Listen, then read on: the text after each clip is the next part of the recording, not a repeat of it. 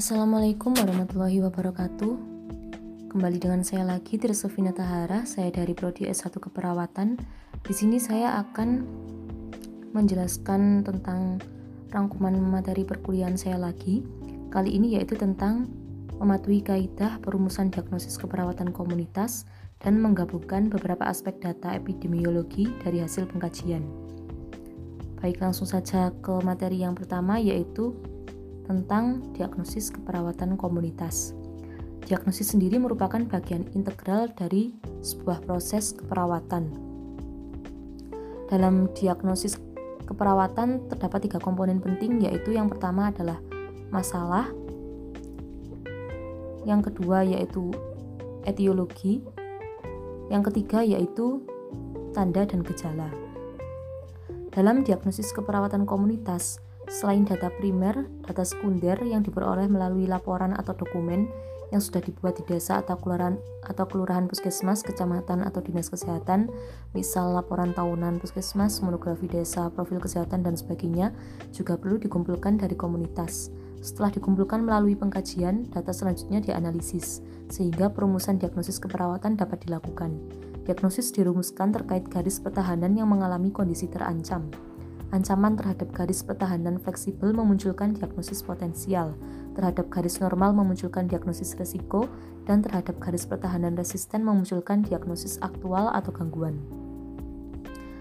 Diagnosis keperawatan komunitas disusun berdasarkan jenis diagnosis sebagai berikut. Yang pertama yaitu diagnosis sejahtera. Diagnosis sejahtera atau wellness wellness digunakan bila komunitas mempunyai potensi untuk ditingkatkan. Belum ada data maladaptasi maladaptif. Perumusan diagnosis keperawatan komunitas potensial hanya terdiri dari komponen problem atau masalah tanpa komponen etiologi atau penyebab. Yang kedua yaitu diagnosis ancaman atau risiko. Diagnosis risiko digunakan bila belum terdapat paparan masalah kesehatan, tetapi sudah ditemukan beberapa data adaptif yang memungkinkan timbulnya gangguan. Perumusan diagnosis keperawatan komunitas risiko terdiri atas problem, atau masalah, etiologi atau penyebab, dan sign atau tanda dan gejala. Selanjutnya yaitu diagnosis aktual atau gangguan. Diagnosis gangguan ditegakkan bila sudah timbul gangguan atau masalah kesehatan di komunitas yang didukung oleh beberapa data maladaptif. Perumusan diagnosis keperawatan komunitas aktual terdiri atas problem, etiologi, dan simptom atau sign. Selanjutnya yaitu prioritas diagnosis keperawatan komunitas. Setelah data dianalisis dan masalah keperawatan komunitas ditetapkan prioritas masalah kesehatan komunitas yang perlu ditetapkan bersama masyarakat melalui musyawarah masyarakat desa atau lokakarya mini masyarakat. Prioritas masalah dibuat berdasarkan kategori dapat diatasi, kemudahan, dan kekhususan.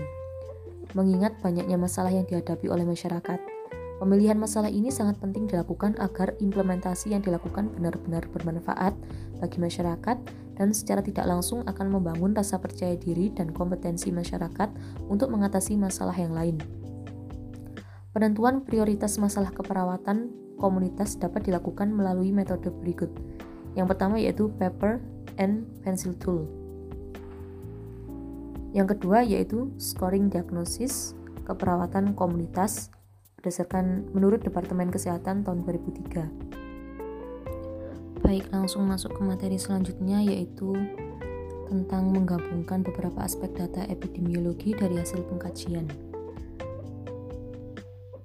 Seperti yang sudah saya jelaskan kemarin tentang epidemiologi, saya akan bahas lagi sedikit di sini.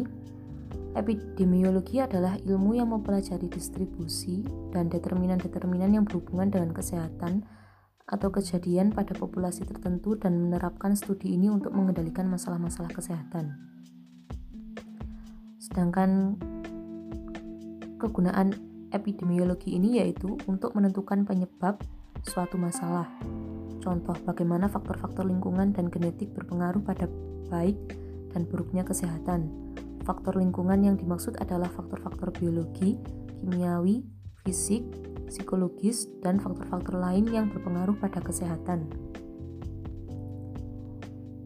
Selanjutnya yaitu tentang metode pengumpulan data. Secara garis besar, metode pengumpulan data dapat diklasifikasikan sebagai berikut. Yang pertama yaitu pengamatan atau observasi.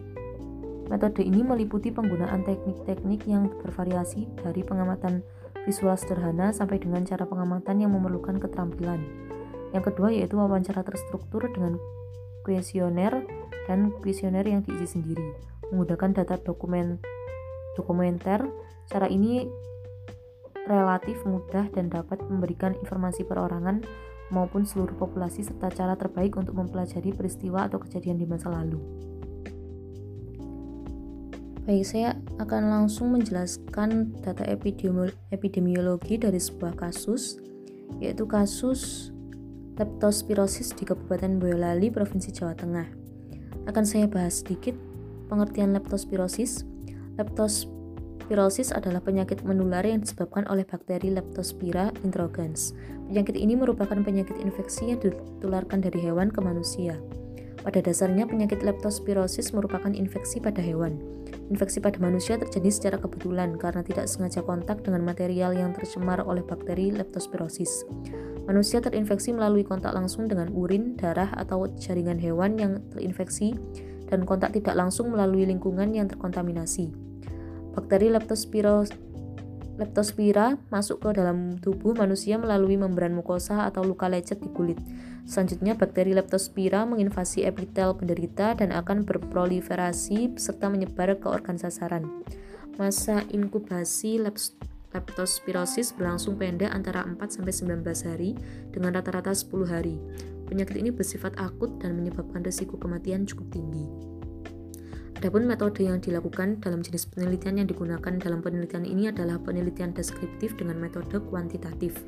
Pengambilan sampel dalam penelitian ini menggunakan total sampling populasi pada penelitian ini adalah semua kasus leptospirosis yang dilaporkan dari seluruh kecamatan Boyolali pada tahun 2012 sampai 2015. Sampel yang digunakan dalam penelitian ini adalah semua kasus leptospirosis di seluruh kecamatan Boyolali Boyolali tahun 2012 sampai 2015 yang berjumlah 47 kasus.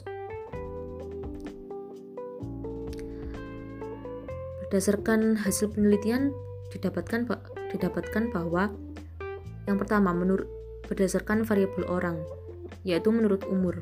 Bakteri leptospirosis dapat menginfeksi semua golongan umur manusia, namun kasus leptospirosis kebanyakan terjadi pada orang dewasa. Hal ini terjadi karena pada usia tersebut, biasanya orang banyak melakukan kegiatan di luar rumah yang berhubungan dengan air dan tanah.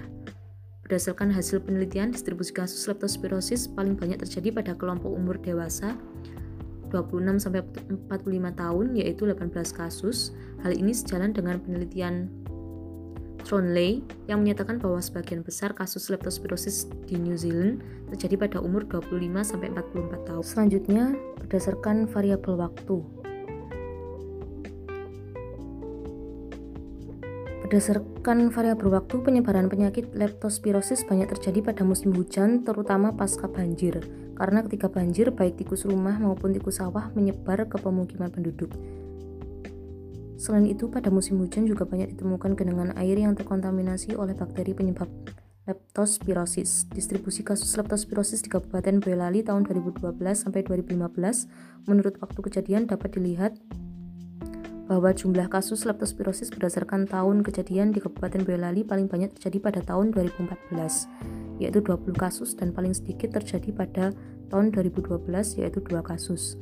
Sedangkan untuk angka insiden kumulatif menurut bulan kejadian paling tinggi terjadi di bulan Maret tahun 2014 dan 2015 dengan angka insiden kumulatif sebesar 0,6 per 100 ribu penduduk. Sedangkan berdasarkan variabel tempat, Leptospirosis dapat terjadi salah satunya karena faktor lingkungan. Kabupaten Boyolali terbagi menjadi beberapa wilayah kecamatan yang memiliki karakter yang berbeda-beda. Berikut adalah distribusi leptospirosis menurut kecamatan. Yang pertama yaitu menurut kecamatan di Kabupaten Boyolali tahun 2012 sampai 2015, pada tahun itu angka kejadian leptospirosis paling banyak terjadi di Kecamatan Nogosari dengan persentase 34%. Selain Selain itu, ada juga yang paling sedikit di Kecamatan Kemusu serta Kecamatan Musuk dengan persentase sebesar 2,1 persen. Ya, selanjutnya yaitu kesimpulan. Dalam diagnosa keperawatan terdapat tiga komponen penting yaitu problem atau masalah, etiologi atau penyebab, dan simptom atau sign. Selain itu, diagnosis dirumuskan terkait garis pertahanan yang mengalami kondisi terancam.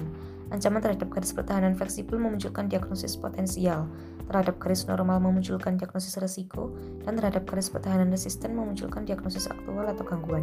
Prioritas masalah dibuat berdasarkan kategori dapat diatasi, kemudahan, dan kekhususan.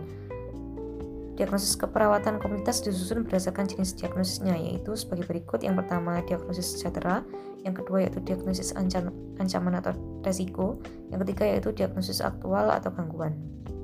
Selanjutnya, yaitu epidemiologi. Epidemiologi sendiri itu epidemiologi sendiri yaitu untuk mengetahui distribusi dan faktor-faktor penyebab masalah kesehatan dan mengarahkan intervensi yang diperlukan. Maka epidemiologi diharapkan mampu mempunyai peranan dalam keperawatan.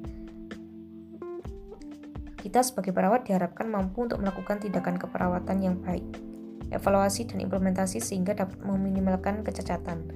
Perawat juga harus mampu berperan sebagai pendidik. Dalam hal ini melakukan penyuluhan mengenai pentingnya hal-hal yang dapat memperberat penyakit, hal-hal yang harus dihindarkan, dan bagaimana cara pengobatan yang baik. Ya, sekian penjelasan dari saya.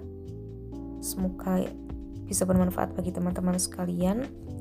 Sekian, wassalamualaikum warahmatullahi wabarakatuh.